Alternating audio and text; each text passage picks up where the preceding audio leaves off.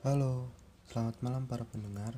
Masih di 107,7 Usni Yadika FM, mengukir prestasi dengan kreasi.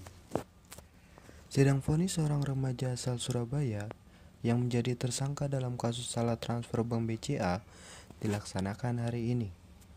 Saya Hafiz Ismail Akbar masih akan menemani Anda selama beberapa menit ke depan dalam program Breaking News.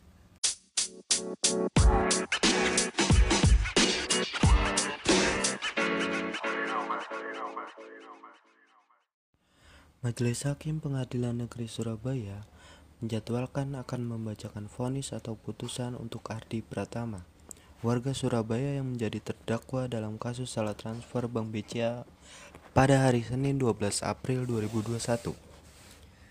Sebelumnya, pada Maret 2020, petugas Bank BCA Nur Cuzaima melakukan salah transfer kepada Ardi Pratama sebesar 51 juta rupiah.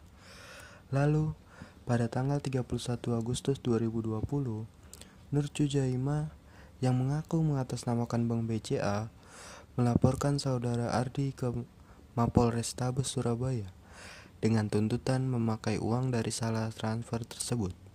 Dan dikabarkan pihak BCA telah memediasi dengan pihak terlapor.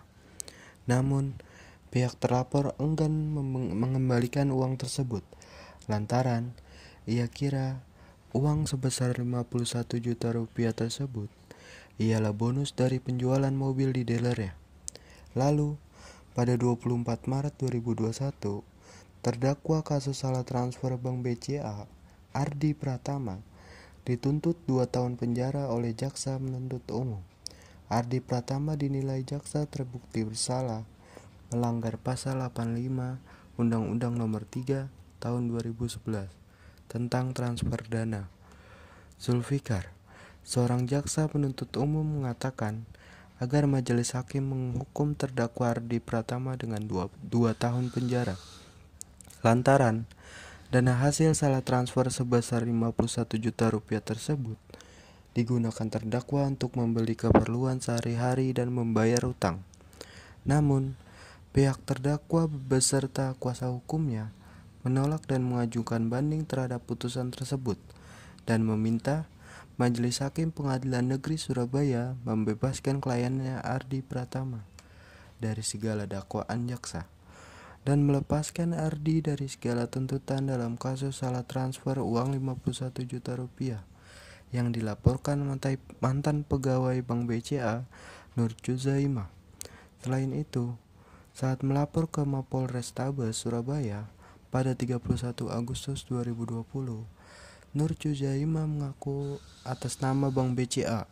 Padahal, sejak 1 April 2020, Nur telah pensiun dari BCA.